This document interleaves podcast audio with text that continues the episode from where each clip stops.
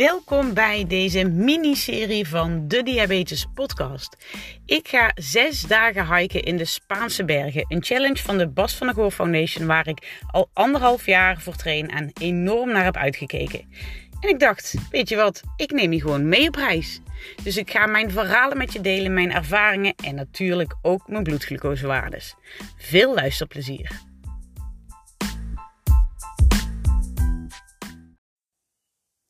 Een hele goede morgen.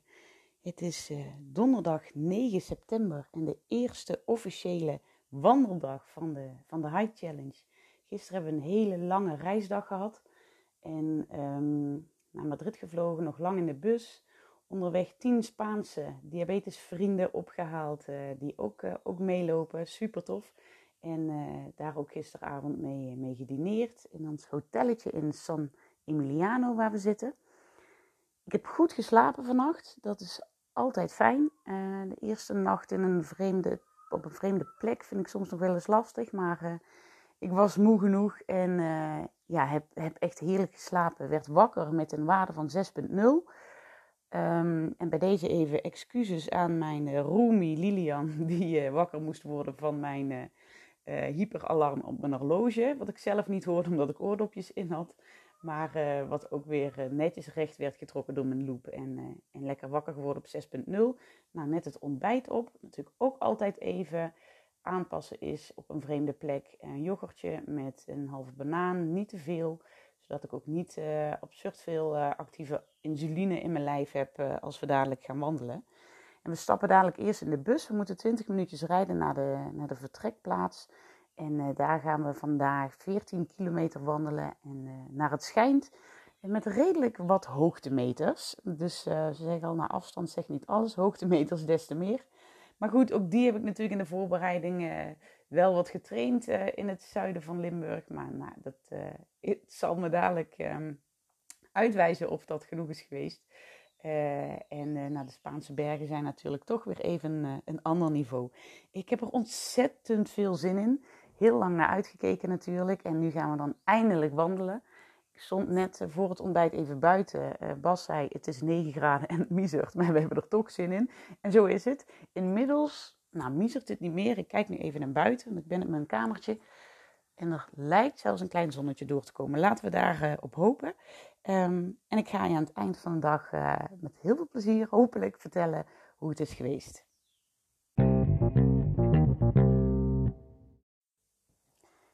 Ja, de dag zit erop. We zijn weer terug uh, op de hotelkamer na de eerste wandeling van vandaag. En ik moet zeggen, het was heerlijk.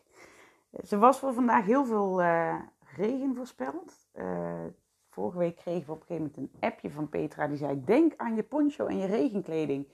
Want het wordt donderdag en vrijdag heel slecht weer. En ik dacht, oh nee, daar gaan we weer. Na mijn vakantie in Nederland komt dit er ook nog wel bij. Um, en vanochtend, zoals ik al zei, uh, was het echt 9 graden en, en miezerde het. We voor het ontbijt even buiten, uh, even buiten stonden. Maar nou, gelukkig viel het alleszins mee. Het was nog best wel fris toen we begonnen. Maar we begonnen de wandeling eigenlijk met een, met een goede klim meteen in het begin al. En ik dacht, oké, als dit een voorbode is voor de rest van de wandeling, dan wordt het best wel pittig. Um, maar goed, je warmt er ook lekker van op. Dus, um, dus dat ging goed.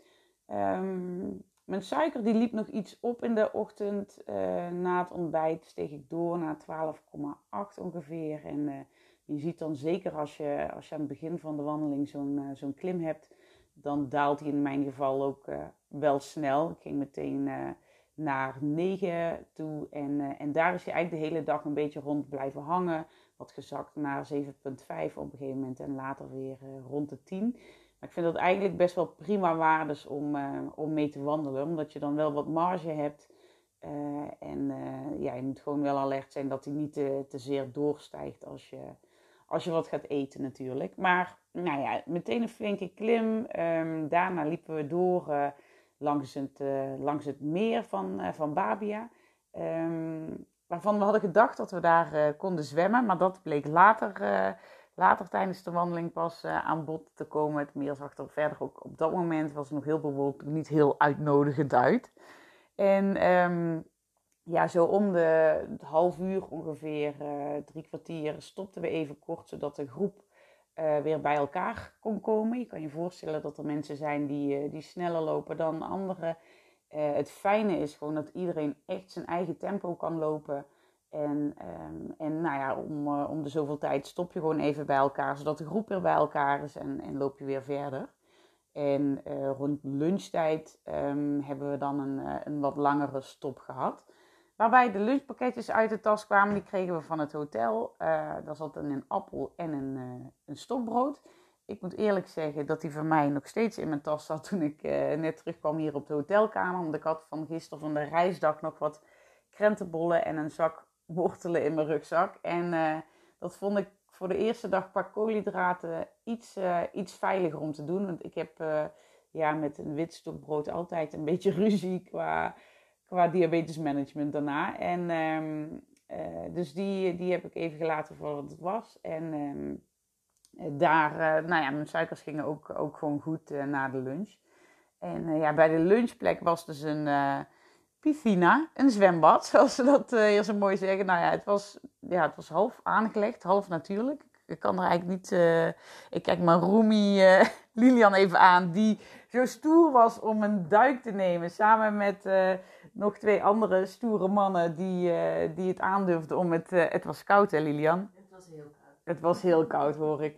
Ja, dus, dus dat was maar wel heerlijk verfrissend. Zij konden daarna lekker lekker helemaal fris weer doorlopen. En toen kwam ook echt de zon door. Dus we hebben vanmiddag echt lekker in het zonnetje gelopen. En ja, daar ga ik toch altijd wel, uh, wel wat beter op. Je merkt dat de zon heel fel is als die eenmaal doorkomt. Maar ik vind dat heerlijk. En volgens mij is voor de komende dagen ook wat meer zon voorspeld. Ook weer even afwachten wat dat dan met de bloedsuikers doet natuurlijk.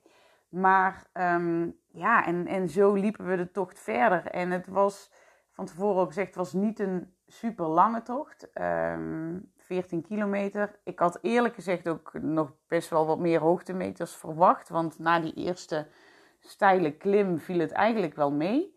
En wat er daarna nog is, is gekomen. Maar er is ons voor morgen alweer van alles beloofd aan, uh, aan hoogtemeters. En ook aan prachtige vergezichten. Dus, uh, dus er staat ons nog veel, veel moois te wachten. Ja, en verder heb ik wel echt genoten van het feit dat we nu eindelijk van start zijn na ja, dik anderhalf jaar voorbereiden. Ik heb veel onderweg gedacht aan alle wandelkilometers die ik heb gemaakt al. En, uh, ja, en ook gewoon heerlijke gesprekken gevoerd met, uh, met de andere deelnemers. En dat is ook dan fijn om te bedenken dat je daar ook de komende nou ja, vijf dagen nog de tijd voor hebt. Om gewoon um, ja, zoveel kilometers te maken en de rust te hebben ook voor, uh, ja, voor diepgaande gesprekken die vaak ontstaan tijdens, tijdens het wandelen. Dat heb ik in de voorbereiding ook gemerkt. En nou, er zijn natuurlijk ook niet voor niks heel veel wandelcoaches die tijdens wandelingen gesprekken voeren. En ja, ik kan daar echt enorm van genieten. Waar ik ook van heb genoten is um, ja, het contact met de Spanjaarden.